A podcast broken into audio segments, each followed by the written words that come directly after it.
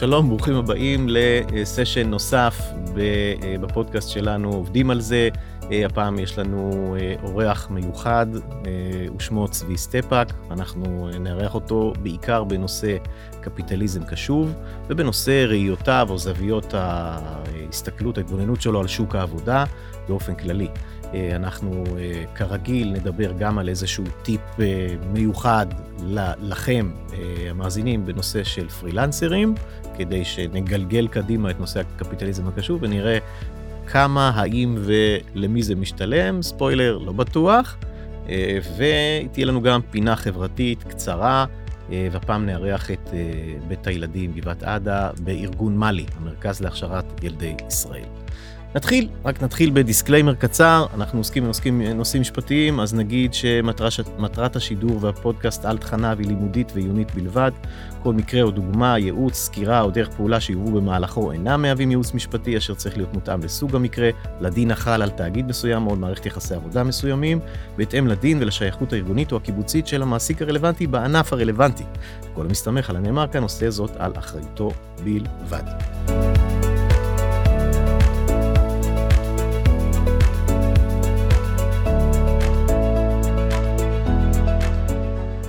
שלום צבי. שלום. ברוך הבא למשכננו הצנוע. תודה. ואנחנו מאוד שמחים שהצטרפת גם לרצועת השידור הזאת. זה, זה רעיון ש, שחיכיתי והתכוננתי אליו, אולי בעיקר בעקבות הקריאה של הספר שלך, עולם ההשקעות שלי, שאוגד בתוכו בעצם 40, אני חושב, וטיפה. כן. שנות uh, ניסיון נכון. בשוק ההון, אבל אנחנו כמעט אולי ולא נדבר על, על שוק ההון היום, אלא על דבר שהוא uh, יותר יקר ל, ללבך. אז ברשותך אני גם אציג אותך, שזהו איזשהו סיכום אינטליגנטי של, ה, של הספר. אז uh, צבי שיושב איתנו uh, הוגדר לא אחת כמלך קרנות הנאמנות בשוק ההון בישראל, מלך או ממובילי. אה, הוא מבעלי מיטב בית השקעות, בשמו הקודם מיטב דש. הוא כיום יושב ראש הדירקטוריון של מיטב, שהיא חברה ציבורית. צבי נולד בתל אביב טרם קום המדינה בשנת 1946 וגדל ברמת גן. אה, הוא איבד את אביו בצעירותו בגיל 17, נושא שהוא לי הוא רגיש.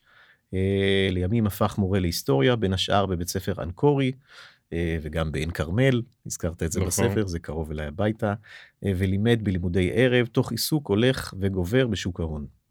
אה, כאשר הקים את מיטב, היו בה שלושה עובדים בלבד, כולל המנכ"ל העתידי של מיטב, שהיה אז בן שש. נכון, גם בן אבנר. כן, והיום במיטב מועסקים כאלף עובדים. צבי טבע במיטב בין השאר את האמירה מיטב המצפן של שוק ההון עם קריצה למצפון של שוק ההון ואנחנו ננסה להסביר את האמירה הזאת בהמשך. אה, ומיטב בהובלתו של צבי עברו מיזוג, הצעות רכישה, הצעת רכישה, הקמת ועד עובדים במיטב, תקופות ברוכות, תקופות קשות, כחברה היא ידועה כאחת הסוציאליות בענף הפיננסים ושוקי ההון בישראל, ויש בה למשל הסכם קיבוצי מפעלי, זאת אומרת הסכם קיבוצי מיוחד לחברה, ושכר מינימום פנימי של החברה שהוא גבוה בכ-20% מהקבוע בחוק.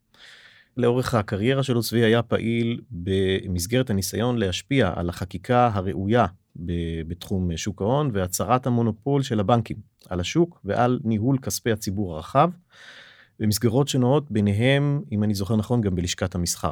נכון. הם גם מתארחים פה. הרבה שנים. ועל מה שאולי יותר רלוונטי היום צבי עומד בראש החלץ חלץ זו חברה לתועלת הציבור קפיטליזם קשוב ותורם אחוז ניכר מתקציבו של המוסד המכובד הזה. אה, צבי נשוי לאילנה שכמעט לא האמינה לו להצעת הנישואים על גדות הירקון. לא, עד איפה כן. הגעת. ויש לו שלושה ילדים אבנר אמיר ורחל ונכדים שמספרם אני לא יודע בדיוק אבל אני מקווה שהוא עולה בהדרגה. שמונה. שמונה. עוד משהו שלא ידעתם על צבי אה, הוא כתב אה, ספר הכנה לבגרות על תקופת הבית השני בשנת 1970. הוא הנהיג במיטב אה, עשייה חברתית ארוכת שנים במדיניות תרומה קבועה של כאחוז מתקציב המיטב שלדעתי הוא גבוה אה, ב-0.65 משאר החברות הציבוריות. אה, תרומה של שני מיליון שקל בשנה בגדול. שני מיליון שקל בשנה. והוא מנה בספרו את כל החתונות והלידות של עובדי מיטב, הוא מציין אותם כאילו היו במשפחתו שלו. אני חייב לומר, עד כאן ההצגה אבל uh, מי שרוצה באמת להבין uh, את שוק ההון בכלל בישראל uh, כדאי לו שיצלול לספר כי יש בו גם סקירה כלכלית מקיפה על מדינת ישראל והתהפוכות הכלכליות בה בקיצור ספר מצוין לא רק על מיטב ולא רק על השקעות והוא מקיף הוא מעניין. רק תיקון קטן כן למה שאמרת איפה טעיתי אני לא יושב ראש הדירקטוריון של החברה הציבורית. אוקיי. את זה ממלא, את התפקיד הזה ממלא אלי ברקת, אוקיי. השותף אוקיי. okay. שלי. אני יושב ראש בית ההשקעות שהוא מתחת לחברה הציבורית. חברה הציבורית מחזיקה 100% שם, ואני יושב ראש בית ההשקעות שבעצם אמון על הניהול כספי הציבור Mm-hmm. באופן ספציפי, כי יש לנו פעילויות אחרות תחת החברה הציבורית, ואלי ברקת הוא יושב ראש החברה הציבורית. אוקיי. תיקון אוקיי. כאן. מאה כן. אחוז. אה, טוב אה, אני אני רוצה לספר אה, איזושהי חוויה אישית שלי פעם לפני הרבה שנים עוד לפני שעסקתי בעריכת דין אה, לא האמת שזה יצא לגמרי במקרה ולא התכוונתי להיות עורך דין אבל אה, עסקתי בחקר טרור ועבדתי באיזשהו אה, מכון מחקר מסוים שלא נזכיר את שמו והיה שם יחס נוראי גרוע מאוד יחס אה, לחוקרים ולאנשי הצוות מכל הסוגים המינים הגילאים יחס קשה. היחס הזה אה, הוביל אותי לזלזול אה, אני לא יודע ל- לח- לחוסר כן אפשר לומר גם זלזול אה, נושא שמאוד אהבתי לעסוק בו ורציתי לעסוק בו אבל פשוט לא רציתי לתת את המיטב תרתי משמע אה, שזה אגב זה אה, המצאה השם הזה הגיע מאשתך ככה אתה כותב. מאשתי שהעברית לא הייתה שגורה כן. בפיה כי עלתה מארצות הברית. כן. בעצם היא מתעקשת שאני אקרא לה לא אילנה אלא אלן. השם המקורי שלה, אלן Mm. באלף. והיא הגיעה לארץ והיא בעצם כשהתלבטתי לגבי השם יחד עם השותף שלי שלמה סימנובסקי היא נתנה לי את הרעיון של השם הזה מיטב. מיטב. כן. אוקיי. אז אה, אני חוזר רגע לשם לאותו מכון מחקר אני הרגשתי נורא ואני לא רציתי לתת את החוויה הזאת לאף עובד בשום מקום. אה, ואז קראתי את הספר כי אני פשוט מתעניין בהשקעות. ומכאן לכאן הבנתי שאולי אנחנו לא צריכים לדבר כמו בכל הפרקים בסדרה על יחסי עבודה ועל ניהול עובדים באופן פרסה אלא על מה שאנחנו לא מדברים עליו בדרך כלל והוא מה אנחנו רוצים או איזה מערכת יחסים אנחנו רוצים לייצר עם העובדים אה, ו, אה, ואיזה ecosystem מסביב לחברה אנחנו רוצים לייצר וזה הוביל אה, אותי להזמין אותך לדבר איתנו היום ואני רוצה אני רוצה לאתגר אתכם. אתם אה, מן הסתם או רואים אותנו או שומעים אותנו אה, בדרך late night במיטה אני לא יודע. ואתם חושבים לעצמכם למה שאני עכשיו אבזבז שעה מזמני להקשיב לקפיטליזם קשוב? אני לא יודע מה זה אני לא יודע בשביל מה זה טוב לי וזה בטח לא משרת את שורת הרווח כי חברה המטרה שלה כתוב בחוק שרצית לשנות. להשיא את רווחי החברה ואפשר גם לדאוג לאחרים. אפשר ולא חובה ולא צריך. אה, מה זה עוזר לי? אה, אמילי אני מה יוצא לי מזה? עזוב אותי אני רוצה להשיא את הרווחים שלי. אני רוצה לאתגר אתכם ולהגיד לכם שלדעתי התפיסה של קפיטליזם קשוב תשרת אתכם הרבה יותר מאשר קיזוזי הפסקות אה, כל מיני מכשירים אחרים שהם מקצצים בכלל שכל מיני קרנות קונות חברות חדשות רוצות לעשות איזושהי התייעלות אה, אנחנו מרגישים את זה על גב העובדים. אני אה, אני דוגל בזה אבל אני רוצה להיעזר בך צבי כדי לשכנע את מי שלא דוגל בזה ומאמין בדיוק הפוך והוא עכשיו יושב בפקק באוטו חושב לעצמו אל תבלבלו לי את המוח. אז מה זה קפיטליזם קשוב למה למה הוא טוב בכלל לשורת, כן. ה, לשורת הרווח. כן? אוקיי, נתחיל, נתחיל בזה שיש משטר כלכלי שאנחנו מכנים אותו קפיטליזם. קפיטליזם, לפני המילה קשור. קפיטליזם זה המשטר הכלכלי שהוכיח את עצמו בצורה הכי טובה. הוא ניצח בעצם את כל, ה... אחרי התפרעות ברית המועצות לשעבר, ניצח בעצם את הקומוניזם, והוא עשה הרבה טוב לאנושות. הוא העלה את רמת החינוך, אנאלפביתיות פחותה, אה, תוחלת החיים, בריאות, חינוך, כל הדברים האלו, הוא עשה הרבה טוב, אין ספק. הוא מצטיין בכך שהוא עולם את טבע האדם. טבע האדם זה טבע של התקדמות, של חדשנות, של תחרות, של מוטיבציה וכולי, ולעומת הקומוניזם, שזה משהו אחר לגמרי כמובן, ולצד הטוב הרב שהקפיטליזם עשה, הוא, הוא עשה, מה לעשות, גם הרבה רע. זה לא דבר שהיה כולו טוב. מה הרע שהוא עשה? הוא עשה רע, למשל, ברמת האי שוויון שהוא יצר בין חלקים שונים של החברה, אה, בעולם בכלל ובישראל, כולל בישראל. בישראל כידוע אה, הפערים הם לא רק חברתיים, הם פערים אה, פוליטיים, פערים חילונים דתיים וכולי, ואנחנו לא צריכים עוד פערים שמייצרים חוסר סולידריות ובעיות בעיות קשות, זה, אח, זה אחת העוולות, אבל זה לא העוולה היחידה שהקפיטליזם עשה. קפיטליזם בעצם מנצל חברות עסקיות קפיטליסטיות, שחיות בתוך האקוסיסטם הזה, מנצלות את החולשות האנושיות אה, בצורה צינית, עובדות על הלקוחות שלהם, ואין סוף דוגמאות אפשר להביא, למשל כל נושא משככי הכאבים. Mm-hmm. תעשיית התרופות שאמורה לעזור לנו, כן. בעצם שיעבדה אותנו להתמכרויות למשככי כאבים, למשל.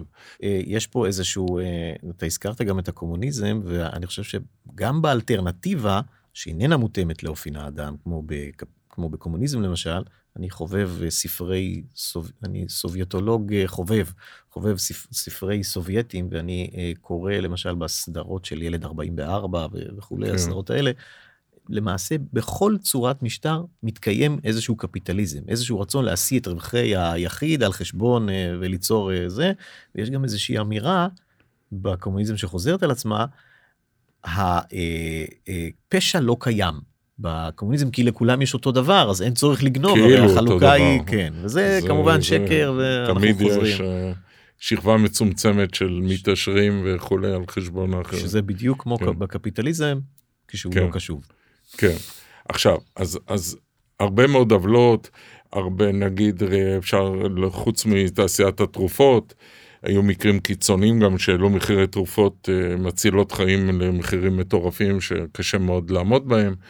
אה, יש את הנושא של אה, בנקים שעובדים על הלקוחות שלהם, כמו הבנק האמריקאי ווילס פארגו, שעשה מהלכים שונים בעבר ונענש קשה על ידי הרגולטורים רלוונטיים בארצות הברית, יש את בואינג שתאונות מטוסים שקיפחו חייהם של מאות אה, נוסעים, אה, כתוצאה מזה שבואינג הזדרזה במצוות המנכ"ל מהר מהר להוציא את המטוסים בלי להקפיד על בטיחות, אפשר להביא אין סוף דוגמאות שבסוף... כל תוכנית הביטוח, ביטוח הבריאות האמריקאי היא איזשהו אה, זלזול באוכלוסייה, כמו שאני מסתכל על זה, זה אה, אם אין לך כסף אתה בסופו של דבר תקבל טיפול רפואי גרוע או שתמות. אה, זה במקרה הטוב, במקרה הפחות טוב ולא פחות נפוץ, אתה לא מקבל בכלל, אתה לא יכול להיכנס לבית החולים בכלל, כן. לא, לא מקבלים אותך, כן.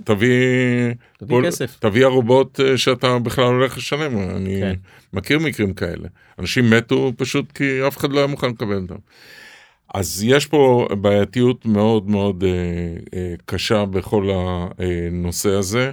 החברות, חלקם משלמות מחיר על מה שהם עשו, חברות שנהגו לא נכון, משככי עקבים זו דוגמה טובה מאוד, קנסות אדירים, אדירים, אדירים. גם טבע וגם אה, חברות אחרות בחו"ל. אה, בואינג אה, בעצמה, תביעות נגד הדירקטורים וכולי, ובעולם של היום, שהמוניטין הוא מאוד מאוד חשוב, החברות הגדולות, אה, פייסבוק, גוגל וכולי, זה לא, הן לא בנויות על נדל"ן ועל חומרה וכולי, הן בנויות על מוניטין, ברגע שהמוניטין של חברה כזו נפגעת, התוצאות לגביה יכולות להיות אה, ממש הרסניות.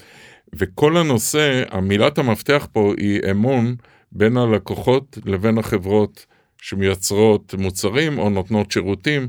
והדבר הכי, שתי דוגמאות אולי, אחד הבנקים שאוהבים, כמו שאומרים, אה, לשנוא אותם, mm-hmm. הציבור אוהב לשנוא אותם, ועוד יותר חברות הביטוח בכל העולם לא נהנות מרמה גבוהה של אמון בלשון המעטה, ומה שזה גורם, אה, הצרכנים, המבוטחים, חושבים שמרמים אותם, שברגע שהם יגישו תביעה אה, הם לא יקבלו את הכסף או שיסחבו אותם, יטרטרו אותם עד שהם יתייאשו ולא ייתנו להם את הפיצוי שמגיע להם, והחברות הביטוח משוכנעות שהלקוחות המבוטחים מרמים אותם בכלל, כן. שולחים אחריהם חוקרים פרטיים וכולי וכולי, ויש לזה מחיר, המחיר הוא שהפרמיות עולות. כן. כי חברת הביטוח צריכה להתגונן כן. מפני הזה. כן. המשק משלם מחיר, המבוטחים משלם מחיר. והסוגיה של אמון היא עומדת ביסוד אה, מה שנקרא קפיטליזם קשוב. עכשיו, לגבי קפיטליזם קשוב, מה בעצם אנחנו מנסים לעשות בארגון שלנו? אנחנו מנסים לשנות את האופן, את המציאות הזו, את האופן שבו המגזר העסקי מתנהג. אנחנו מצהירים, אנחנו קפיטליסטים, קפיטליזם קשוב, אבל אנחנו חושבים שצריך להקשיב לציבור, לבסס איתו יחסי אמון, לבסס יחסי אמון לא רק עם הציבור בכללותו, אלא לבסס יחסי אה, אה, אמון עם כל, אה, נקרא לזה מחזיקי העניין, המושג stakeholders, שהם מסביב לפירמה. זאת אומרת, זה בעלי המניות כמובן, אה, בעלי מניות הרוב ובעלי מניות המיעוט אם ישנם, העובדים, הלקוחות, הספקים, הנושים, אם לקחת על אשראי, אה, הקהילה שבה אתה פועל, החברה מסביב בכלל, החברה האנושית וכולי. ומה שאומר קפיטליזם קשוב הוא, אני לא הולך לפגוע ברווח. זה שהחוק אומר הסעת רווחים, יש לי השגה על זה, אבל רגע נעזוב את זה בצד. מה שהוא אומר, זה לא שחברה לא צריכה להרוויח, אנחנו לא סוציאליסטים. כן. אנחנו חושבים שחברה לא רק צריכה להרוויח, אלא חשוב שהיא תרוויח, אחרת גם היא לא תוכל לעשות שום דבר חיובי. כן. צריך לפטר עובדים למשל וכולי. אבל, מעבר לנושא של אה, אה, אה, השגת רווח, כל חברה צריכה להגדיר לעצמה ייעוד. למה היא קיימת בכלל? כמו שבן אדם מחפש משמעות לחייו, אולי לא בגיל 10, אבל בגיל 20 פלוס, אנשים מתחילים לשאול את עצמם מה, מה הם הולכים לעשות, לא רק במובן של קריירה, אלא משמעות. ואנחנו יודעים שהדור הצעיר של היום, אה, בגילאי 20 פלוס, נאמר ככה, מתחילים להסתכל הרבה יותר מאשר דורות קודמים על משמעות החיים שלהם. רואים את זה גם בעולם התעסוקה, שיש אנש, אה, עובדים צעירים שלא מוכנים לעבוד בכל חברה. אני יכול לספר אנקדוטה, הבן שלי, שחי בארצות הברית, הוא בא עכשיו אה, לנסות אה, פה, לגור עם המשפחה שלו פה. אה, הוא קיבל הצעת עבודה אטרקטיבית מאוד מאמזון בוושינגטון די.סי, הוא אפילו לא היה צריך לשנות את מקום מגוריו באותו מקום, והוא סירב להצעה הזו. למה? שאלתי אותו מדוע. הוא אומר, כי אני לא רוצה שבקורות החיים שלי יהיה כתוב שעבדתי באמזון. זאת אומרת, אמזון יצרה לעצמה שם כזה רע בקרב אה, בני הדור היותר צעיר, שהם לא מוכנים uh, לעבוד, כן. או חלק מהם כמובן, לא, אז uh, אני מכליל פה. עכשיו, כן. אז נחזור לעניין, אז כל חברה צריכה ייעוד, להגדיר כן. לעצמה ייעוד, לשם מה היא קיימת בכלל? מה המצפן שהשתמש במילה כן. מה המצפן שמכוון את הפעילות שלה? הייעוד צריך להיות קצר, הוא לא צריך להיות מגילה של, כן, קוד אתי. הוא צריך להיות קצר, מובן לכל העובדים, להנהלה, לעובדים. ותפקיד המנהיג בארגון העסקי הוא להטמיע את הייעוד, הוא צריך להיות מחובר כמובן לעניין, להטמיע את הדברים בתוך התרבות הארגונית של החברה, באופן כזה שהתרבות הארגונית של החברה תהיה כזו שתשרת לא רק את בעלי המניות, אפרופו רווח, אלא גם את אה, שאר מחזיקי העניין, את העובדים, את הלקוחות וכולי. יש אנשים שמתחברים לזה ברמה, נקרא לזה הערכית, מוסרית וכולי, אבל גם מי שלא מתחבר לזה, נקרא לזה ב-DNA שלו, אה, צריך להבין שגם באופן רציונלי זה נכון לעשות ולפעול בכיוון הזה. כי הרווח לא רק שלא יקטן, הוא יגדל. יכול להיות שלפעמים בטווח קצר מאוד, הוא ייפגע. אבל כל הקפיטליזם קשוב מתייחס לחברה עסקית כאל משהו שחי הרבה מאוד שנים, והוא נהנה מ... מהסולידריות הפנימית בין המרכיבים שלו, ובסופו של דבר זה יביא להשבחת הערך של החברה לטווח ארוך, אה, והראייה לטווח קצר משבשת את ההסתכלות לטווח ארוך. יש משפט ידוע של פיטר דרוקר, אחד מאבות תורת הניהול, שאמר, אה, תרבות ארגונית אוכלת אסטרטגיה לארוחת בוקר. אם אין לך את העניין של התרבות הארגונית הראויה, אתה יכול לכתוב אה, עשרות אה, תוכניות אסטרטגיות, לא תצליח להגשים אף אחד מהם, כי, כי אם אתה לא נותן כמנהיג דוגמה אישית, מלאת ייעוד, לא יהיה לך חיילים מאחוריך, אתה לא תשיג כן. כלום. לכתוב זה דבר אחד, ליישם זה דבר הרבה יותר מורכב, ורק בתרבות ארגונית ראויה, וזה גם לא מקרה אגב, שעסקים משפחתיים, יש על זה הרבה סטטיסטיקות, אה, אה, בדרך כלל, כמובן זה הכל הכללות, אה, עסקים משפחתיים משיגים תשואות יותר גבוהות, כי ההסתכלות של עסקים לא משפחתיים. כי והתשואות שלהם בבורסות הרבה יותר גבוהות. אני הייתי בכנס בדיוק לפני שבוע כן. על עסקים משפחתיים והראו סטטיסטיקה, גם כן. בישראל יש מדד כזה שמראה תשואות עודפות. אז גם מי שלא מתחבר לזה ערכית, צריך להבין שזה דבר נכון לעשות אותו גם בראייה של הסתכלות על רווח. אוקיי, okay, אז אני, אז אני באמת, אני, תסלח לי, אני רוצה לאתגר אותך פה בכוונה, אה, ונדבר גם על מדד הפמילי, ונדבר על okay. אוקיי. המוצר שבניתם סביב, אה, אם uh, אני זוכר, okay. זה אוקיי. כדי להוכיח. אני רוצה עכשיו להיות אה, אותו מנכ"ל שיושב, מקשיב לנו ברכב, ואומר, החבר'ה האלה, אין לי מושג על מה הם מדברים. הם מדברים על רעיון הקפיטליזם, הסוציאליזם. מה אני ראש הממשלה? מה אני מנהיג המדינה? אני בסך הכל, יש לי עסק של 50 איש בתחום אה, מפעל תעשייתי או אה, חברת סייבר, או אני נותן שירותי אה, מענה טלפוני 24/7, לא משנה, חברת סטארט-אפ בתחום הביוטק, לא חשוב. אין לי שום יכולת לא רצון, אבל גם לא יכולת, אני גם לא מאמין בזה שהקפיטליזם הקשוב יכול לשפר את שורת הרווח. בואו נניח שאני, ושוב, אני, יניב, כאדם, מאוד מתחבר לרעיון הזה, גם בגלל מה שקרה לי, וגם כי אישית זה מדבר אליי. אני... You had me, מה שנקרא, וגם מעבר okay. אוקיי. לזה, שוב, מי שקורא את הספר, ימצא בו גם מכתבים ועדויות מתוך מיטב, שמדברים על מה זה עושה לעובדים. אה, אז אם אתם אה, לא מאמינים לי שזה עושה טוב ורוצים לדעת מה זה עושה בשורת הרווח, אז אני שואל אותך, צבי, אותו מנכ"ל יגיד לעצמו, תראה, אני משלם שכר, ואני אה, מפריש לפנסיות, ואני נותן קרנות השתלמות. אה, ואני חושב שבשורת הרווח בחברה שהיא למשל רשת מסעדות, ה-labor cost שלי יכול להיות 30% מה, מהתקציב. שזה הון עתק. כל גרוש נוסף במתח רווחים נמוך מוביל אותי, מוביל אותי לאבדון. קצת טעיתי בחודש מסוים בסחורה, אני יכול, אני יכול אה, להגיד, אה, להגיד שלום. אני לא מאמין שלקפיטליזם קשוב יש איזושהי השפעה. עובדים ינסו לנצל אותי כמה שיותר, לחשוב שאני כיס עמוק, אה, להגיע כמה שיותר למשכורת הגבוהה, לקורות החיים הבאות ולעזוב. אני, אני אשמח מאוד לשמוע את התשובה שלך, אני רוצה לענות לעצמי אחר כך, אבל אחריך, איך אנחנו משכנעים את מי שפשוט לא מאמין לנו, הוא רוצה מספרים, הוא רוצה לדעת איך אה, ההתנהגות הזו, שהיא התנהגות חומלת, היא התנהגות שמסתכלת על לא רק העובדים, גם על הספקים וגם על הלקוחות, mm-hmm. היא אה, משרתת את שורת הרווח by numbers, מה שנקרא. כן. מה נענה לו?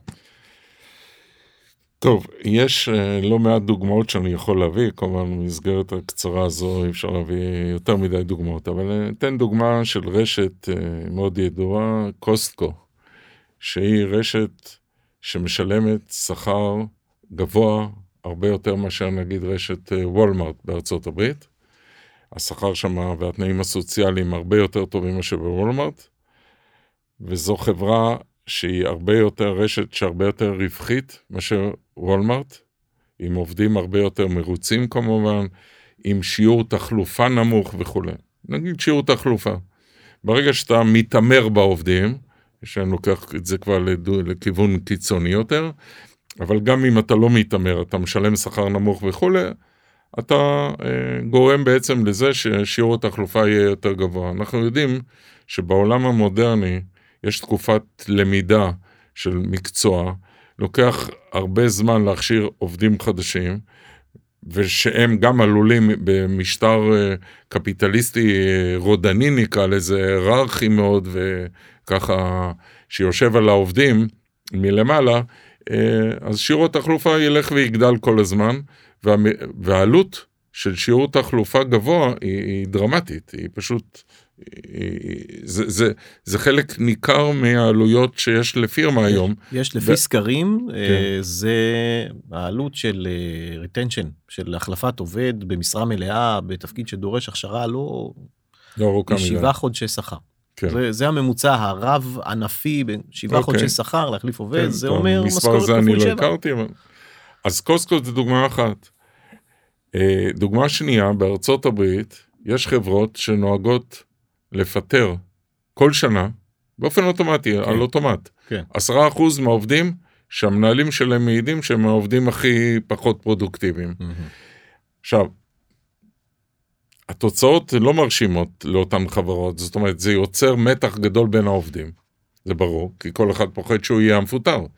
אז לא רק שאין שיתוף פעולה בין העובדים, יש גם חבלה בעובדים, או התארגנויות של עובדים כנגד עובד שרוצים להפריש אותו במקום שיפטרו אותם וכולי. Mm-hmm. זה יוצר תרבות ארגונית רעילה.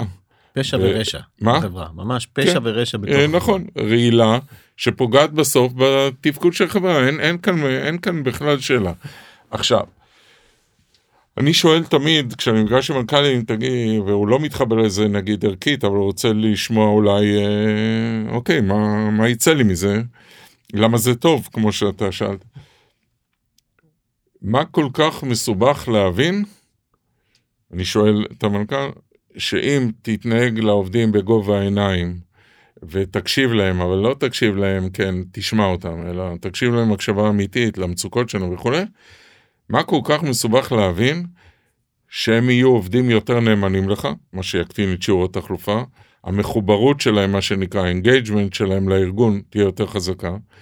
מה כל כך קשה להבין שאותם עובדים מרוצים, אה, לא רק מתנאי השכר שלהם, אלא גם מהאוטונומיה שאתה נותן להם ו- וכדומה, מה כל כך קשה להבין שזה יתורגם אחר כך לקשר שלהם, אותם, אותם עובדים שנמצאים בקשר עם הלקוחות ונותנות להם שירות, אה, אה, יהיה קשר הרבה יותר טוב וגם את הלקוחות יהיה לך הרבה יותר קל לשמר ולפתח.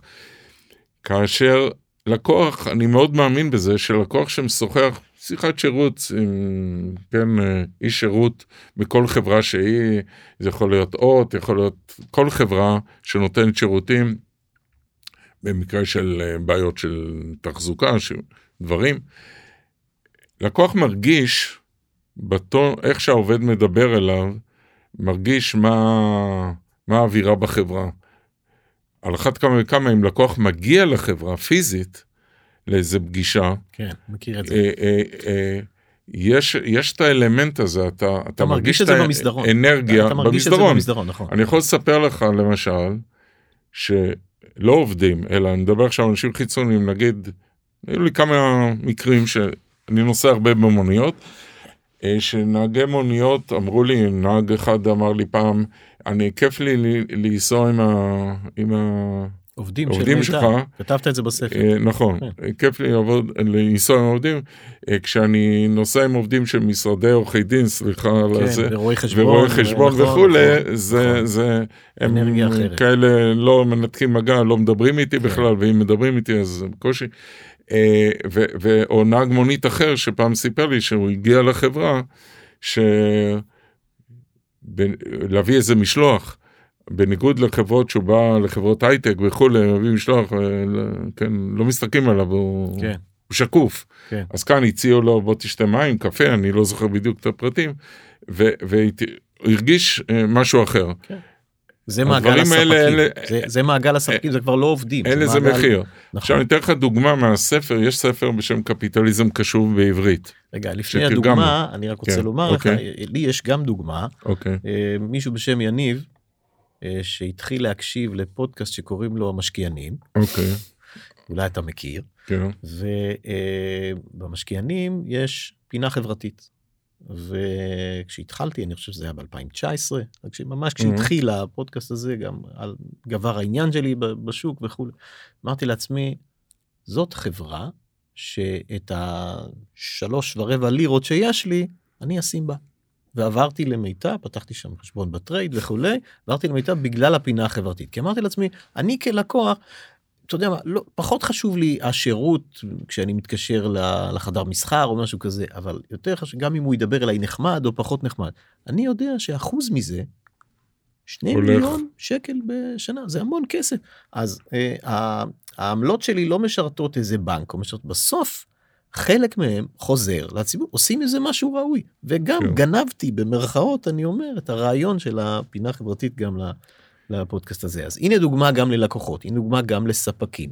זה, זה עובד כי אה, אני משכנע את המשוכנע, אז הנה רציתי להגיד לך אה, מה דעתי. עוד דבר, כשאתה נכנס לחברה, כל חברה, אני, אני מבקר הרבה בחברות ואני אני, אני, אולי אה, לא הצגתי את עצמי אם זה פודקאסט ש, ראשון שמישהו שומע, אז אני מנהל את מ- מחלקת יחסי עבודה במשרד שלנו, יש לנו עוד אה, שני תחומים אה, ואנחנו מייצגים מעסיקים בלבד בתחום של יחסי עבודה. אז אני פוגש מנכ"לים, מטבע הדברים, אה, כן. כן, ומסתובב בחברות.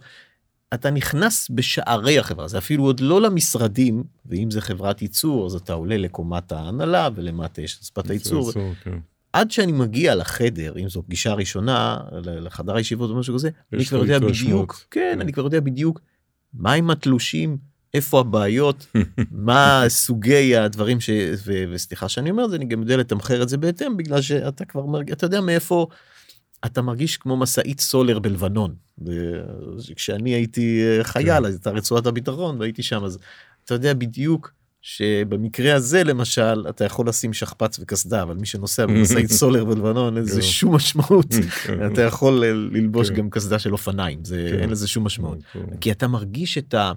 את, ה, אה, את רוח המפקד או את האווירה בחברה ואתה יודע תכף למה לצפות כי מי שלא מסודר בזה או מי שצורח על העובדים שלו you're next. זאת אומרת, אף אחד לא מבטיח שאם באת יפה עם עניבה כן. וכולי מחר אה, אתה נכון. תצלב אל ה... נכון. אל החומש. אני רק אוסיף לך, גם בספר שכתבתי יש דוגמה של לקוח אה, מחדרה, שלימים גם יצא לי לפגוש אותו, ויש מכתב שהוא כתב לי, שהוא, האיש שלי מה? האיש שלי אני יודע שהאיש שלי את כתבת כך נדמה לי אה, אני רגוע, לא זוכר בדיוק את הניסוח, יש את זה בספר, אוקיי אבל אה, כתב לי אה, מייל שהוא מכתב, אני כבר לא זוכר, זה מצוטט בספר. עופר שין. עופר נכון, שין נדמה כן, לי. חדרה, כן. כן, כן, אני לימים פגשתי אותו הזה. בכלל בעניין של השכרה, במקרה לגמרי, אבל uh, כתב לי שהוא התרשם מאוד מכל הנושא של התרומות ועוד דברים אחרים שהוא קרא עלינו. והוא אומר, uh, גם אם אני אשיג אצלך פחות חצי אחוז תשואה. אז אני, אני לקוח שלך. זה דוגמה מאיתנו, אבל דוגמה נוספת שרציתי מקודם להזכיר, בספר, יש ספר conscious capitalism, שזה המקור בארצות הברית של בכלל כל הארגון הזה, אנחנו לא המצאנו, אנחנו סוג של נציגות של ארגון אמריקאי, אבל יש לנו אוטונומיה מלאה. שני אנשים, אחד ג'ון מקי, שהוא היה הבעלים והמנכ"ל עד לאחרונה של All Foods Market, שזו רשת מרכולים מאוד uh, טובה בארצות הברית, uh, ופרופסור סיסודיה, שהם כתבו ספר בשם Conscious Capitalism, אנחנו בארגון שלנו תרגמנו את זה לעברית, הוספנו גם פרק ישראלי על חברות שמשתדלות, ישראליות שמשתדלות להיות קשובות. בספר הזה יש דוגמה מאוד uh, מעניינת שמדברת גם על עולם הניהול וגם על הנושא של התייחסות לעובדים והשלכות על לקוחות. מה הסיפור? המרכז הוא שם באוסטין טקסס של הארגון הזה ובאחד המקומות בטקסס, אחד המרכולים, הייתה סופת שלגים נוראית. אה, המטאורולוג הודיע, הזהיר שהיא הולכת להתגבר. היו כמה עשרות לקוחות שהיו תקועים במרכול, וקנו כבר עם עגלות וכולי, קנו מצרכים. ואז המערכת הנהלת החשבונות, כל הקופות, משהו קרה להם כנראה כתוצאה מזה, או שהייתה התקנה של מערכת חדשה, שבועיים קודם נדמה לי. בקיצור, השתתקה. אי, אי אפשר היה לעשות חישוב, היה תור. בדרך כלל קופה כי אנשים הזדרזו לעזוב לפני שיהיה יותר גרוע. ואז המנהל החנות קיבל החלטה, תלכו הביתה כולכם עם המצרכים, עם הכל. לא נחייב אתכם בשום דבר, זה היה עלות של כמה אלפי דולרים, כן? כמה. עשרות לקוחות שהיו שם. טוב. קיבל החלטה אוטונומית, וזה לא מקרה, כי בארגון שיש לו אה, אוטונומיה, שמעניק אוטונומיה לעובדים, והם יודעים שלא יהיה להם אחר כך איזה ביקורת שיפוטית, למה עשיתם ככה ולמה עשיתם ככה, אה, הפסדתם פה כמה אלפי דולר הכנסות וכולי. כעבור חודש, התפרסמה ידיעה קטנה בעיתון המקומי, שכתבה לקוחה שהייתה באותו זמן במרכול, וכתבה את ה... תיארה את מה שהתרחש. הידיעה הקצרה הזו בעיתון המקומי הפכה לאש בשדה קוצים, היא עברה לעיתונות האמריקאית כולה, ניו יורק טיימס, אולסין ג'ורנל וכולי, רשתות טלוויזיה וכולי. מה שכותב ג'ון מקי, שבתקציב של מיליונים של פרסום, הוא לא יכול היה להשיג את האפקט של כמה אלפי דולרים, כן. שהמנהל החנות לקח על עצמו את האחריות אה, להחליט. אז זו דוגמה טובה. מתן אוטונומיה לעובדים, אתה סומך על עובדים, הם עושים את העבודה שלהם, גם אם הם טועים, לא, לא, לא מענישים אותם על זה, לא מפטרים אותם או בדרך אחרת, והנה התוצאות בכיוון של הלקוחות. Okay. אוקיי. זה דוגמאות קטנות מהחיים, מה שנקרא, שממחישות כמה זה טריוויאלי בכלל, ולח... כלומר, זה דבר בסיסי לחשוב שעובדים שאתה מתייחס אליהם בגובה העיניים, אה, אה, זה אחרת. אני גם, ב... רק אוסיף הערה, לפני כמה שנים חגגנו 40 שנה, ב-2019, היום כבר יותר מ-40 שנה למיטב. חיברתי כמה דברים קצרים שמופיעים גם בספר על uh, פנייה לעובדים. כן. וסיימתי את זה, ב... לא אכנס עכשיו לכל המסר, אבל המסר היה בסוף, אה, תהיו בני אדם והכל ייפתר.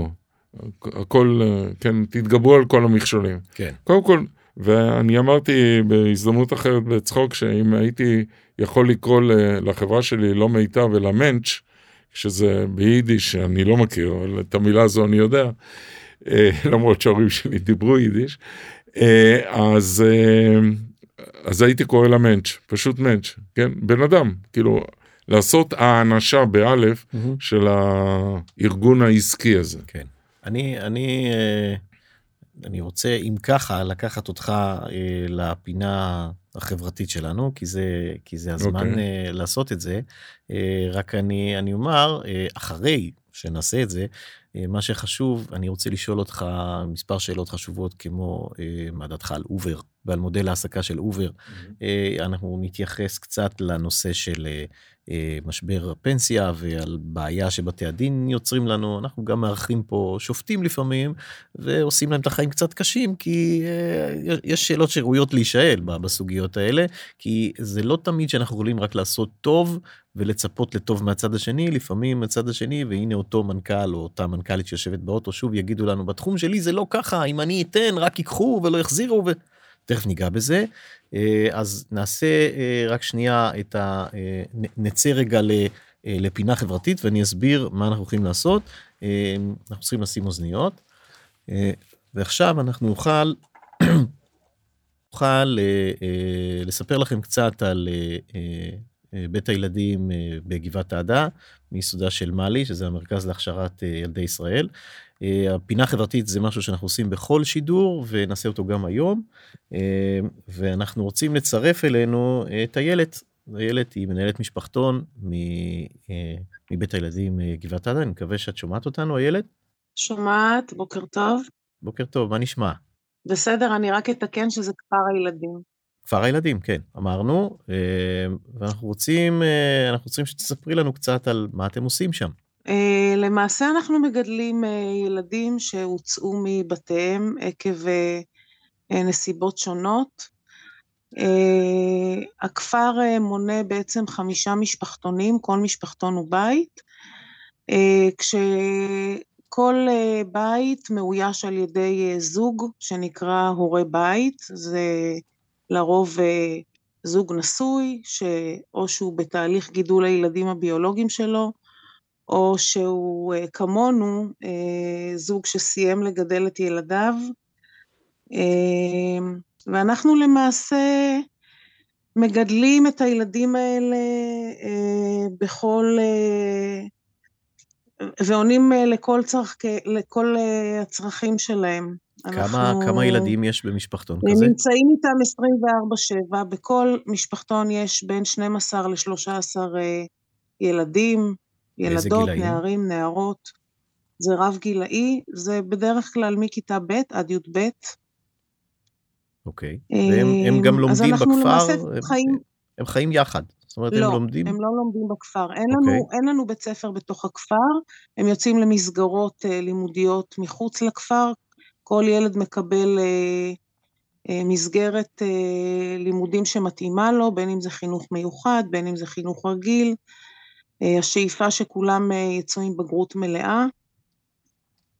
מקבלים שיעורי עזר בכפר, ואנחנו למעשה נמצאים איתם 24/7, יש לנו בתוך, ה, בתוך הבית הזה, יש לנו את היחידה שלנו, הפרטית, אבל מעבר לזה, יש לנו מרחב משותף שכולל אה, סלון, מטבח, פינת אוכל, יש אה, ארבעה חדרי ילדים, בכל חדר יש אה, בין שלושה לארבעה ילדים. וכן, אנחנו למעשה ההורים שלהם בתוך הכפר. זאת אומרת, יכול, אם אני אקח... שלצד זה כמובן, שלצד זה כמובן כן. אנחנו שומרים על הקשר עם ההורים הביולוגיים, גם של הילדים עצמם וגם של הורי הבית עם ההורים הביולוגיים, שזה חשוב מאוד. אה, חשוב לציין, זה אם אני אקח שגרה של ילד כזה, יכול להיות ילד בכיתה ג' למשל, הוא ילך לבית הספר בבוקר, נכון. והוא יחזור לחדר שלו, אני במקרה יצא לי להיות, ו... אה, למיטה שלו, למיטת הקומותיים לפעמים, והוא גר עם עוד 12 אה, אחים לדרך, מה שנקרא, ואתם כולכם משפחה אחת, וההורים נכון. הביולוגיים רחוקים. רחוקים אני, אני לא לא בטוח שכולנו מכירים מציאות כזאת ו, ומעכלים דבר כזה שילד בכיתה ג' חוזר למיטת קומתיים במשפחתון. הוא לא בבית הוא רחוק נכון, מהבית. לפעמים נכון, זה טוב עבורו. הילדים למעשה נכון זאת הסיבה שהוא כאן. אנחנו הילדים לא אנחנו סליחה הילדים יוצאים אה, לביקור בבית בסופי שבוע אחת לשבועיים לסירוגין. זאת אומרת יש לנו שבת אחת, סוף שבוע אחד, שהוא משותף בכפר, שבו הם לא יוצאים הביתה, ושבוע אחר כך יש להם יציאה הביתה, אה, להיות עם המשפחה, עם ההורים, הם חוזרים ביום ראשון בבוקר, ומתפזרים שוב לבתי הספר, מתחילים שוב שבועיים נוספים אה, ברצף, אה, איילת, אני חייב לשאול אותך. לעבור איתנו ביחד. כן, אתה. כן, זהו, שאת כן. בעצם הופכת להיות אימא אה, ל-12 ילדים בגילאים שונים, שאת לא אימא שלהם, ולפעמים הם נכון. אה, לא ילדים קלים, אה, הם ילדים, הם חמודים, יש להם צרכים ויש להם, והם רוצים להתבגר ולגדול ושמישהו יאמין בהם. איך מוצאים אנרגיה לכל זה? שאלה טובה. אבל אני חייבת להגיד שאולי זאת קלישאה, אבל uh, המשפט הזה מוכיח את עצמו, שהנתינה היא הקבלה הכי גדולה. אנחנו מקבלים מהם כל כך הרבה, מהילדים האלה בחזרה, שאני חושבת שזה מה ששומר לנו על הכוחות, כי זו באמת uh, שגרה מתישה. Uh, מעבר לזה אני אגיד שיש הרבה עניין בתפקיד הזה, אנחנו, אף אחד פה לא צדיק, יש הרבה עניין ב, ב, בתפקיד הזה והרבה הצלחות, זה נותן תחושה טובה גם לנו, גם אנחנו מועצמים פה, ובסוף נוצרים קשרים מאוד מאוד הדוקים וחזקים, אנחנו בסוף דואגים להם, באמת כמו שאנחנו דואגים לילדים שלנו. כן, זה מדהים, אז זה מדהים לראות את זה. זה הכוח. אז קודם כל, יישר כוח, ואני מקווה שמי מהמאזינים שלנו, מהצופים שלנו, שירצה לתמוך ולעזור, הוא יוכל לעשות את זה, אפשר להיכנס לאתר של מאלי, פשוט לכתוב מאלי, גבעת עדה, ובצד שמאל למעלה יש אייקון קטן בצבע אדום שמוביל אתכם לדף תרומה, ואם נהניתם מהשידור שלנו וקיבלתם איזשהו ערך ובא לכם להמשיך לעזור, אז כולנו נשמח, כי אה, המקום הזה, אני מעיד בידיעה אישית, הוא, הוא פלא. הוא פלא, אחד ממקומות, safe havens כאלה, איים ירוקים בים. אז, אז אני אומר לך קודם כל תודה רבה, ו, ותמשיכי לעשות את העבודה המקודשת הזאת. תודה רבה לכם. תודה איילת. תודה רבה. אנחנו במעבר חד נמשיך בשלנו. ובאמת אם אם אם אתם אני מניח שגם תקבלו עוד תכף אנחנו נדבר על כלים פרקטיים תקבלו ערך ותרצו לעזור אז אל תשכחו אותם הם הם צריכים הרבה יותר הם צריכים הם צריכים מבלי, לה, מבלי להרחיב. אם אפשר להעיר רק שתי הערות בהקשר כן. למה ששמענו עכשיו. הערה אחת זה לגבי באמת תחושת הסיפוק שהנתינה נותנת שאתה מקבל חזרה. אה, אה, יש את האמרה באנגלית, אה, The giver is the taker. אתה נותן, אתה מקבל, וזה מתחבר לנושא של תחושת משמעות שדיברנו עליה מקודם, של האדם באופן אישי פרטי, ותחושת המשמעות שצריכה להיות לארגון בהקשר של ייעוד, זה מאוד uh, מתחבר, כי מה זה ארגון? זה אוסף של הרבה אנשים שבאים מרקעים שונים כן. וכולי. הערה שנייה, זה מה שהם עושים שם הזכיר לי, אה, מיטב תורמת אה, הרבה מאוד שנים לארגון אה, בכפר חב"ד שעושה בדיוק את אותו דבר. הבן שלי לקח את אחד החבר'ה שהגיע כבר לגיל 14 או משהו כזה, עם נוס... בעיות משפחתיות כמובן, כי בדרך כלל זה נובע כן, מרקע כן. משפחתי בעייתי, כן. כזה או אחר. הבחור הזה, הוא לקח אותו, שכר לו דירה, אה, הכניס אותו לעבודה במיטב, הוא עובד במיטב, אה, אה, גרם לו לעשות בגרות, אפרופו באנקורי גם כן, אותו בית ספר שלימדתי, לא, לא אותו בית ספר, אלא בפתח תקווה, אנקורי בפתח תקווה, מסתבר שהוא קנון, בחור מאוד מוכשר, הוציא בגרויות גבוהות מאוד, ועכשיו ממש, אני חושב שעוד שבועיים, משהו כזה, הולך לשרת בצה"ל. אז זה ממש, מה שהם עושים בכפר, קודש. עדה, כן. גבעת עדה, זה, זה עבודת קודש, קודש. זה, זה הצלת נפשות, פשוט נכון. הצלת, אנשים מהסוג הזה שנמצאים שם, אם הם לא היו נמצאים שם, הילדים האלה, חלק גדול מהם היה הולך ל, לעולם הפשע. נכון. פשוט נכון מחוסר ברירה. נכון. ו... כל ילד כן. צריך מבוגר אחד שיאמין בו, זה כן. הכל. מציל נפש אחת, אה, כאילו מציל עולם שלם. לגמרי. כן. עכשיו נחזור לענייננו כדי כן. להצדיק את, ה... אוקיי. את, ה... את, את מה שביקשנו כן. מכם. אמ, אני רוצה לתת דוגמה מנושא שאני נתקל בו הרבה, לשאול את דעתך, פרילנסרים. הרבה מאוד פעמים מעסיקים מתייעצים איתי ואומרים לי, תשמע, קשה לי עם כל הנושא הזה של עובדים במחלקה מסוימת, כל, את כל נושא ה-X, כל מחלקת ה-Y, הוצאתי למיקור חוץ. אני אה, מעסיק את כולם בחשבוניות. איזה יופי, פתרתי את הבעיה, אין לי תלושים ואין לי תביעות ואין לי, אה, ולא צריך HR ולא, כולם בחשבוניות, פעם אחת בחודש אני משלם את כל הזה, אני לא צריך לחשוב כמה הוא עבד וכמה הוא עבד, כמה ניתן לזה. אה, אני חייב להגיד שככל שהזמן עובר, בערך משנת 2014 וצפונה, ואפילו גם קודם, כל נושא הפרילנסרים הוא, הוא רק מצדיק את מה שאנחנו מדברים עליו יותר ויותר, זה לא האקמול, זה כאב הראש. הנושא של פרילנסרים נראה כמו פתרון קסם למחר בבוקר, אבל זאת, אה, זה אקדח שמופיע במערכה הראשונה והוא יורה באוטומט במערכה השלישית. אה, העסקה של פרילנסרים נגמרת רע כמעט תמיד. יש ענפים שזה מושרש בהם, כמו למשל בנושא של אה, יש מנכ"לים שנותנים שירותים כאלה ומוציאים חשבונית ויש להם חברת שירותים. יש אנשים שנותנים כמה אה, שירותי ייעוץ לכמה גופים בהיקפים כאלה ואחרים. אבל בגדול, ככל שאנחנו מסתנכרנים למשרה אחת, או לעיסוק אחד, או לרובו של הזמן בעיסוק אחד, 70 אחוז, 60 אחוז בעיסוק אחד, זה תמיד נגמר רע. זה נגמר בתביעה, זה נגמר בדרישה של הפרילנסר להכרה בו כעובד, ובתי הדין הם במגמה להכיר בזה ולכבד את זה ולחברת אותנו או לחנך אותנו הם לא אוהבים גערו בי לא פעם. זאת אומרת, אל תגיד לחנך לנווט את השוק. אוקיי בסדר אז נקרא להם נווטי שוק ולא מחנכים אבל בסופו של דבר הדברים האלה נגמרים רק כי זאת טרגדיה לשני הצדדים. הפרילנסר מגיע בסופו של דבר לגיל פרישה. ואם הוא לא דאג לעצמו והוא בדרך כלל לא דאג לעצמו אין לו כלום לפעמים זה בגלל קמצנות לכאורה, הוא לא רוצה להפריש לעצמו לפנסיה, לפעמים זה בגלל חוסר אה, מודעות אה, פיננסית. היום יש חוקים שקצת מודדים את זה, אפילו כופים את זה, אבל זה חדש יחסית.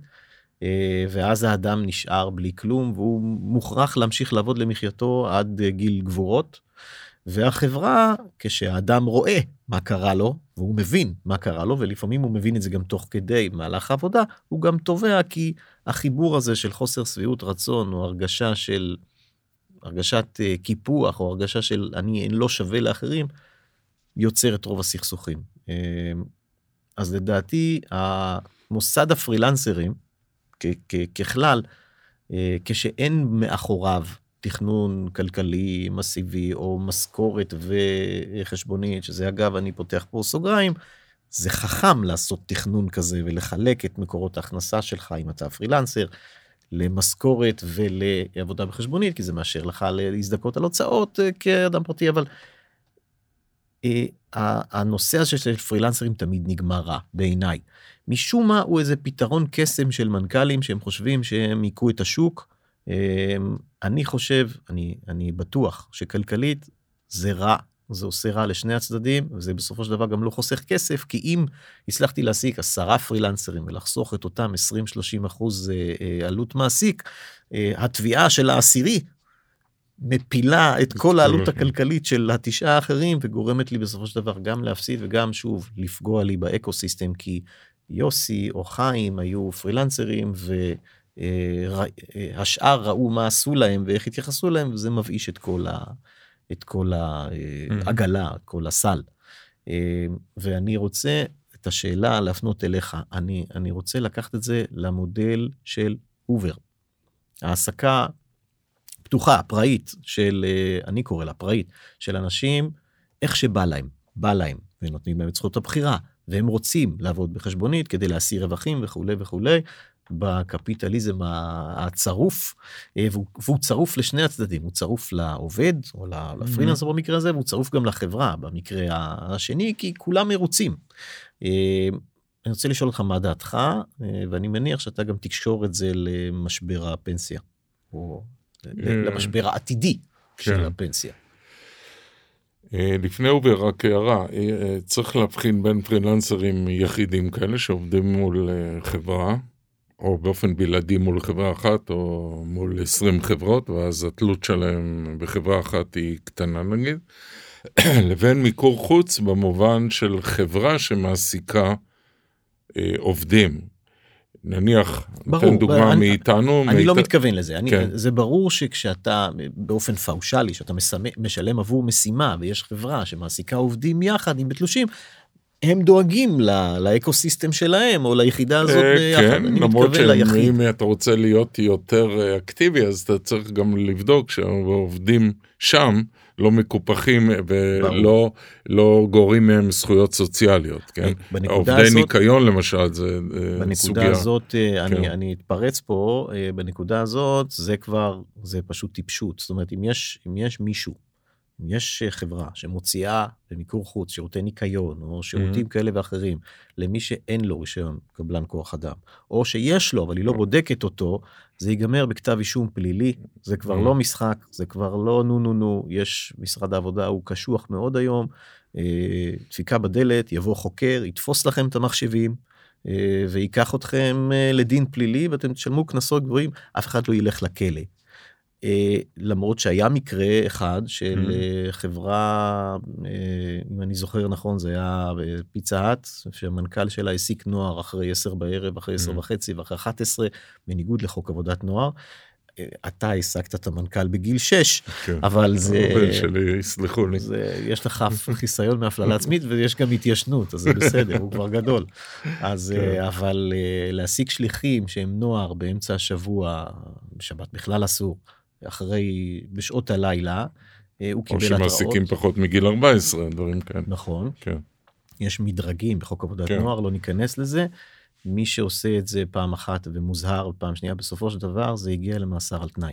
זה כבר היה ממש על פתח, אה, אה, לא מתעסקים עם הדברים כן. האלה, אז זה בוודאי שאנחנו לא מדברים על זה, זה כבר פלילי. כן. יצא לי לא פעם אה, זה לא נעים אתה אתה מקבל יום אחד אה, דואר הביתה וכתוב מדינת ישראל נגד צבי סטפק או יניב אופק. כן. זה כבר לא זה לא צחוק כן, זה כן. out of the question. לגבי אובר כן. אני אחזור לאובר uh, תראה. uh, אני לא בקיא בכל הפרטים של אובר, אני יודע שאבל היו כל מיני פסיקות של בתי משפט בארצות הברית, חלק, אם אני זוכר נכון מתוך קריאה של העבר, אה, חלק לטובת החברה, אה, שאמרו שהכל בסדר מבחינתה, שהיא לא משלמת תנאים סוציאליים, וחלק במדינות שונות בארצות הברית, הרי זה יכול להיות פסיקה אה, שונה, בהתאם לחקיקה באותה מדינה ספציפית. תראה, לכאורה נותנים את חופש הבחירה לעובדים, להחליט, כאילו, אתה, אתה, אתה לא, אף אחד לא מכריח אותך לעבוד באובר, כאילו, אז אתה לא, או בוולט, אה, בארגונים מהסוג הזה. אבל אה, זה שלא משלמים תנאים סוציאליים, אנחנו יודעים שאנשים, כמו שאמרת, הם לא, או שהם מתעצלים, או שהם אומרים, מה, אני עכשיו בגיל 40 מתחיל לחשוב על פנסיה.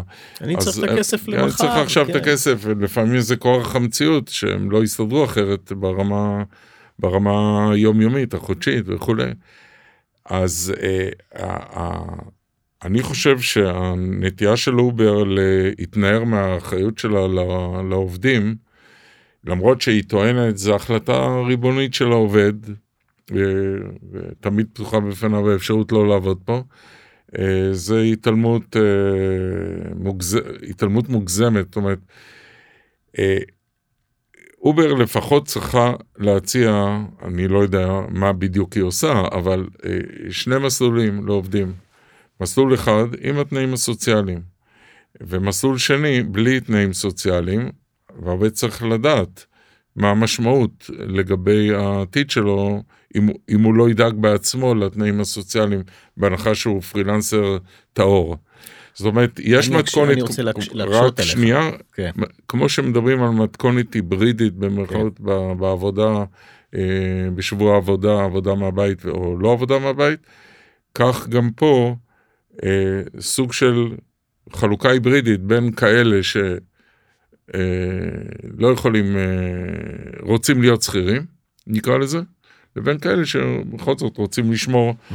על מעמדם אה, כעצמאים. אתה לא יכול לדאוג לכל אחד, בשביל זה צריכה להיות אוריינות פיננסית פנסיונית מספיק עמוקה, ולרוב האנשים אין את זה. אבל אתה לא יכול להיות פטרון של כל אחד ולהגיד, לא, כולה, כולכם תעבדו כשכירים, אבל לפחות אתה צריך לתת שתי האפשרויות ושהעובד יבחר, בהנחה שהסבירו לו מה המשמעות של כל אה, דבר, כן. ושהוא יפנים שאם הוא הולך במסלול של הפרילנסר, אה, הוא יצטרך לדאוג לעצמו לפנסיה. כן. אם הוא לא דאג לעצמו, אנחנו לא יכולים לדאוג, להיות פטרונים ואפוטרופסים של כל אחד, זה ברור. אז אני, אז אני אה, תרשה לי, אני כן. רוצה לחלוק עליך, אני רוצה אוקיי. ליצור פה יצור ביניים, כן.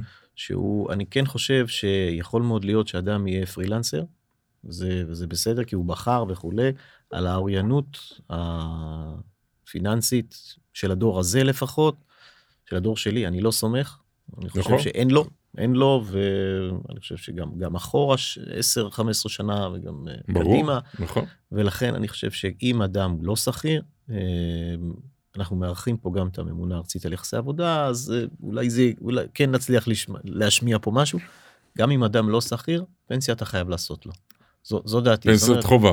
פנסיית חובה אתה חייב לעשות לו. אה, אה, כ- כ- כ- ב- במודל פטרוני של מעסיק ועובד ולא לשלוח אותו לקיים את החובה לבד ולהכריח אותו כי הוא חייב כן, כי זה אני לא התייחסתי יתבצע. יותר לארצות הברית, שם הדברים האלה הם הרבה יותר חלשים, נכון. מה שפה. נכון כן. אני אני מתייחס לשוק שלנו אני חושב שפה אצלנו אנחנו פשוט אנחנו צועדים לעבר אסון אסון שהוא בדמות אה, דור שלם של אה, קשישים עניים שלא דאגו לעצמם. אני גם חושב שאתה תבין בזה יותר ממני אבל לדעתי אם אני אשווה את המוצרים השונים אז אה, ביטוחי המנהלים הם אה, עץ שעומד אה, אה, איתן וקרנות הפנסיה הם אולי קנה סוף כזה עם התקנון אה, שיותר יכול להתגמש עם הרוח אבל אני מפחד מאוד מאירוע שבו ביטוח מנהלים זאת אומרת חברה מסוימת חברת ביטוח מסוימת פשוט תקרוס בגלל ההבטחות ההבטחות עלייה שלה בתוחלת החיים, ו- לעמיתים כן ההבטחות שלה שההתחייבויות. שלה... למבוטחים ולא כן. לעמיתים כמו בקרן הפנסיה כי קרן הפנסיה יודעת להתכופף אל מול הרוח כן, יש וביטוח איזו ערבות הוא- הדדית, אה, כן, פנסיה זה משהו אחר, זה לא חוזה אישי כמו בחברת בי- כן בחברת ביטוח. תראה, המצב בפנסיה, חייבים לומר את זה, אה, למרות מה שאתה אומר, באופן כללי כשאתה מסתכל על התמונה הכוללת, מערכת הפנסיה הישראלית, לרבות אה, קופות גמל, קופות גמל להשקעה, ביטוח מנהלים, קרנות פנסיה, קרנות השתלמות, כל הדברים האלה נותנים מעטפת אה, טובה, וישראל יש סקר שמתפרסם כל שנה של חברת מרסר, ישראל במקום כבר בשנתיים שלוש האחרונות במקום הרביעי מבחינת הפרמטרים שמדברים על יציבות אה, הפנסיה והבטחת הדור, אה, בגלל אה, החקיקה מ-2008 הגיל השלישי, בגלל החקיקה. החקיקה. פנסיית חובה, הפרשה של כן. המעביד, הפרשה של המעסיק פשוט או התחיל המעביד. מאוחר. מה, זה? פשוט התחיל מאוחר מדי. זאת אומרת, אה, יש אנשים שזה מאוחר מדי בשבילם. אה, יש אנשים שמאוחר מדי ויש גם הרבה עצמאים. היום יש חובת פנסיה. גם לעצמאים. נכון, נכון. אה, אז במקביל לפרילנסרים שהם גם בעצם הם עצמאים, כן? כן. ובישראל מבחינה זו המצב הרבה יותר טוב. נכון שהרבה אנשים נזכרים לדאוג לעצמם בגיל מאוד מאוחר. כמו שאמרתי מקודם, אני נוסע הרבה במוניות, פגישות וכדומה. יוצא לי הרבה פעמים לשוחח עם נהגי המוניות. הרבה פעמים שהם מכירים שאני בא מהתחום הזה, שואלים אותי שאלות. הרבה נהגים בני 50, 60, אה, כאילו, הם לא יודעים אפילו לנצל את מה שמס הכנסה גם משתתף איתם, כן. כמו ניקוי, זיכוי, סוף שנה, קרן השתלמות, קרן אחרת, אנשים לא ו-. ולא דואגים לעצמם. לא מעט מהם הם גרושים, זה בכלל אה, מחלה נראה לי אופיינית להרבה נהגי מוניות, וחיים חיים, אה, אתה יודע, מהיום למחר, כן. אה, שבאופק הם, הם גם יפלו בסוף על, על מערכת, ה, המערכת הכספית של המדינה, המדינה, על תקציב נכון. המדינה, ברור ש... ועם העלייה בתוחלת החיים, זה בעייתי מאוד. נכון. אה, אני בכלל חושב שחלק מהבטחת הפנסיה, יש המון בעיות עם הפנסיה, כתבתי על זה כמה מאמרים, למשל נשים מול גברים, אין שום סיבה בעולם שגיל הפנסיה לנשים יהיה שונה מגברים? 62 שעלה עכשיו ל-64 ארבע. ו-67, כן. אה, אני לא יודע אם זה כבר נכנס לתוקף, ה-64, נדמה לי שכן, אבל בהדרגה של כל כמה חודשים. כן. אה, ובכלל לדעתי גיל הפרישה צריך להיות 70 לשני הגילאים, וגם נשים חיות יותר. וגם נשים חיות יותר, אה, ונשים גם מאבדות הרבה זכויות סוציאליות, אם זה בעקבות אה, הריון, חופשת נכון. לידה, כל הדברים פגיעה האלה. ברצף אה, התעסוקתי. כן, או עבודה חלקית שהן עובדות, אה, יש הרבה מאוד בעיות, נכון. אז ה- ובכלל אולי צריך לבטל את אה, היציאה לגיל הפנסיה, יש נקודות לאן- לכאן ולכאן. מערכת הפנסיה בישראל היא לא רעה, אבל יש בהחלט, להערכתי, לפחות כמה מאות אלפי אה, משקי בית, שכן, תהיה, להם בעיה. יצטרכו להתקיים מקצבת זקנה כן. של, אני יודע, אלפיים, 2,000 ש"ח. אלפיים ש"ח נכון. בחודש, מי, מי יכול לחיות מה, מהדבר הזה? יש לי שאלה שאני, שעולה מהספר והיא נורא מסקרנת אותי, היא שאלה חצי אישית. אה, הוקם ועד במיטב, נכון. אה, אז כשעמדתם אה, לפני רכישה, דיברנו על כך בטלפון. קיבלנו הצעת רכישה, כן. כן, שהייתה של על הפרק. 100% מהמניות, כן. כן. ו... ואז הוקם ועד כי העובדים חששו זה בדרך כלל אירועים בכלל באופן כללי ועד אינתיפאדה מחאה חברתית זה זה מאוד דומה. אה, שני אנשים נפגשים איפשהו מישהו זועם על משהו זה נופל על איזושהי תבערה mm-hmm. קודמת והכל מתפוצץ ומביא החוצה פחדים mm-hmm. מן המרתף מה שנקרא ואז נכון. מוקם אם זה הנשר האדום בשטחים. או אבל לא שאני משווה כן. חלילה אבל אה, משהו מתפרץ החוצה. אה, ורציתי לשאול אותך איך הרגשת כי אתה יודע מיטב זה baby שלך אתה הקמת אותו ויום אחד באים העובדים ואומרים אנחנו רוצים uh, להתוות דרך אנחנו רוצים לנהל אנחנו רוצים להיות האירוע של הקמת ועד בחברה הוא תמיד אירוע מאוד ניסיון. מאוד קשה למנכ"ל. פתאום יש לו שותפים חדשים, וזה מזעזע לו את כל הראייה. אז יש הרבה מנהלים שנלחמים בזה, ויש הרבה מנהלים שהם מקבלים. מה אתה הרגשת? טוב, קודם כל כשקיבלנו את הצעת הרכישה, הייתה הצעת רכישה לכל 100% מהמניות, לא רק mm-hmm. המניות. אנחנו כמשפחה מחזיקים 30% מהמניות. השותף שלי, אלי ברקת, אה, והמשפחה שלו, עוד 30 אחוז ו-40 אחוז ציבור. אז קודם כל, כשאתה מקבל הצעה כזאת, אתה חייב להתייחס אליה, okay. כן. כי היא לא מופנית אליך, היא מופנית לחברה, mm-hmm. ב-100 אחוז, ויש לך שותפים, בעלי okay. כן. מניות מהציבור גם. מהציבור, נכון, 40 אחוז. אז אתה חייב להתייחס לזה. ואז קודם כל התלבטנו איך להתייחס להצעה, כי ההצעה הייתה במחיר הרבה יותר גבוה ממחיר בבורסה. Okay. כן. אז היה קשה מאוד לסרב לה, כי זה לא רק הצעה אלינו, זה הצעה לציבור. אם אתה תסרב לה סתם מנימוקים אגואיסטיים שלך, יכולה להיות לך גם בעיה משפטית. כי הציבור אומר, רגע, יש לי כן. פה הזדמנות לממש רווח גדול ואתה מומנה ממני. יכול, יכול להיות אז... אגב צבי ש... שאתה יצרת את הבעיה כי כן. במדיניות החברתית ובמדיניות המנש של מיטב הרגלת את העובדים אליך והם פשוט חששו שאתם אה, תמכרו אה, והקימו כן, ועד לא, כדי להילחם בזה. זה נכון עכשיו אז אז ההחלטה עצמה אם לענות להצעה כן או לא הייתה לא פשוטה. אה, יש לי את השותף הציבור ויש לי את השותף אלי ברקת והמשפחה ויש לי את, ה, את העובדים כחלק מה, מהעניין כן. כן. עכשיו היה לי קשה מאוד להחליט ובעצם אה, בגדול העברתי את ההחלטה לבן שלי כי הבן mm-hmm. שלי הוא בעצם חוץ מהמנכ"ל כמובן הוא אחראי על פיתוח עסקי וכולי הוא נושם את החברה 24 שעות ביממה ואמרתי לו תחליט מה אתה רוצה. אתה רוצה להמשיך לנהל את החברה או לא לנהל את החברה אבל להיות uh, פיגורה מאוד משמעותית בחברה או אתה רוצה למכור. הוא גם מאוד התלבט והוא, והוא החליט אה, להמשיך את המשא ומתן. כן. אבל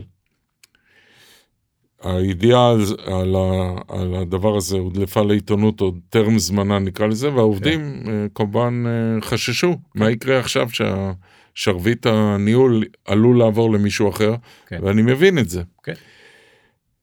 ולכן אנחנו במהלך המשא ומתן מול הרוכשים נקרא לזה הפוטנציאלים שבסוף זה כמובן לא יצא לפועל אבל אה, אה, דאגנו להבטיח כמה דברים. אחד, אגב, חלק מהדברים הם דרשו אפילו מאיתנו, למשל, שמתוך 12 חברי הנהלה, לפחות שלושת רבעי מהם התחייבו אה, לעבוד איקס אה, שנים נוספות, שלוש שנים נדמה לי וכו'. שאני ואלי ברקת והבן שלי והמנכ"ל גם כן נתחייב לעבוד נדמה לי עוד שנתיים לפחות בחברה אחרי שנמכור את המניות וכולי. עכשיו. זה, זה מקרה, לא, אני חייב להגיד כן. לך שזה מקרה שהוא לא מייצג. זאת אומרת, כן. פה אני לא, מרגיש נכון, מהסיפור, אני... העובדים פחדו שתלכו. כן. הם, הם לא רצו שהם לא רצו שתלכו הם רצו שתישארו במקרים נכון. אחרים שמוקם ועד אה, מנכ"ל בדרך כלל מנסה לא בדרך כלל אבל יש יש מנכ"לים שמנסים לחסל את הוועד נכון או שזה ליצור, לא חוקי אה, גם. נכון או ליצור ועד מטעם ליצור נכון. ועד אה, נגדי נכון. זה אני אגב חייב להגיד מניסיון שלי זה גם הדברים האלה נגמרים רע זאת אומרת אם יש ועד אותנטי צריך לדבר איתו לפעמים הוא לא מחזיק לפעמים זאת זאת כן. לידה לא נעים להגיד לידה שקטה והוועד ימות יחד עם הרעיון הזה ולפעמים הוועד קורא מור וגידים אבל לנסות להחליף אותו לחבל בו לערוף את הראש לפטר את ה... הדברים האלה כן, נגמרים רע מאוד בכל, אה, בכל מקרה. אז אנחנו לא ניסינו לעשות שום דבר מהסוג הזה כמובן. זה גם לא חוקי וזה גם לא, לא נכון, לא, כן. נעזוב רגע את, את החוק, והוועד באמת הוקם. מהמם. לפני בדיוק שבועיים בערך חתמנו על הסכם, הסכם קיבוצי. קיבוצי חדש, חדש. אה, מייצג אותם הלא- הם בחרו בהסתדרות הלאומית שפנתה, ברגע שהתפרסמה הידיעה הזו, היא פנתה ויזמה את ה... יחד עם כמה אנשים בתוך העובדים. מהמם. בוועד יש גם אנשים אה, ותיקים במיטב וגם אה, יותר צעירים. מהמם. סך הכל, ברור שיש חילוקי דעות הרבה פעמים וכולי, אי אפשר להימנע מזה, אבל בסך הכל הגענו להבנות ולא שמעת, יש בתי השקעות אחרים שיש בהם ועדים, לא בכל, בחברות ביטוח, והיו, לא רוצה לציין עכשיו שמות, אבל היה בית השקעות אחד גדול ששם היו שביתות והיו כן, הפגנות והיו וכולי. וגם בחברות תקשורת, אה, כמו סלקום נדמה לי, היה, סיפור סלקום היה בזמנו. בלגן גדול. היה בלגן גדול, אני לא זוכר כבר את כל הפרטים, אבל הם ניסו אה, לעשות דברים ש... כן. המקום ההוא שם הלך לא חלק. כן. קשה להבין את זה, אבל הדרך, דרך המלך היא יותר טובה מכל קיצור. כן, והוועד יוזם אה, כל מיני דברים כן. אה, שהם טובים גם לעובדים, כמובן. אני, אה, אני חייב, אה, אנחנו צריכים לסיים, צריכים אה, לעצור את אוקיי. זה. אה, דיברנו יותר משעה, שעה ועשר דקות, וואלה. הזמן עף. כן, ממש לא. הרגשתי את זה. כן. אה, אז לסיכום נאמר ככה, אני, אני חושב ש... אני מקווה שהצלחנו להבהיר שקפיטליזם קשוב אמנם לא מסתכל על מחר, אלא על עוד שנה, ויש שיגידו עוד עשר שנים, אבל בסוף לשורת הרווח, גם אם אתה מנכ"ל שתפקידך מסתיים בעוד ארבע שנים, אין מה לעשות. טובת החברה בלונגרן היא, היא עדיפה על טובת החברה בשורטרן, ואם אתה חושב אחרת, אתה תדלג בין משרות מדי פעם ותשאיר אחריך מדיניות אה, אדמה חרוכה. לגבי הפרילנסרים, אני חוזר על ההמלצה שלי, זה לא ייגמר טוב, אה, כדאי מאוד להימנע מזה. אה, וגם לגבי אה, ועד עובדים, זאת אומרת, מבחינת ההסתכלות שלי על הדברים, כדאי מאוד לא לנסות לרבע את המעגל או להוציא את האוויר מהבלון או כל דוגמה אה, מטאפורית אחרת, זה גם, זה גם נגמר לא טוב, צריך לנהל משא ומתן, כמובן חכם. אה, אז קודם כל אני רוצה לומר לך תודה רבה על, ה, על הזמן ועל הנכונות. אה, עוד כמה תודות שאנחנו חייבים כדי לה, לה, להודות לכל הצוות שעומד אה, לימיננו כאן, להדר גינדי מ-Valuable שהפיק והקליט וערך את הפודקאסט על צוותו, לרז בורג ב control שמסייע לנו בהקלטה היום ולאולפני תמוז, הבית שלנו שבה אנחנו מקליטים, לסער ניסים שסייע בהפקה ובארגון היום והיווה גם אוזן קשבת ו-QA לתכנים. לנועם דוד מחברת Glimpse שמצלם ועורך את כל מה שאתם רואים ותראו וכמובן לצבי שמצא שוב את הזמן לבוא אלינו ואתם ואתם ואתם ושלום חנוך כמו ששלמה ארצי טעה אז בהופעה המשותפת לכם שהקשבתם לנו ופיניתם לעצמכם את השעה ומשהו הזאת. אני מקווה שייצרנו לכם ערך שיצרנו לכם עניין. ואל תשכחו, דיברנו פה גם עם איילת, נזכיר את הפינה החברתית, ואם קיבלתם ערך אז תחזירו, לעזור, זה, זה מדהים, זה ישראלי, זה כדאי, זה כיף. ואנחנו היינו uh, מי שאנחנו, ואנחנו כבר uh, עובדים על הפרק הבא, אז uh, נתראה בפעמים הבאות, ואנחנו עובדים על זה. תודה. תודה.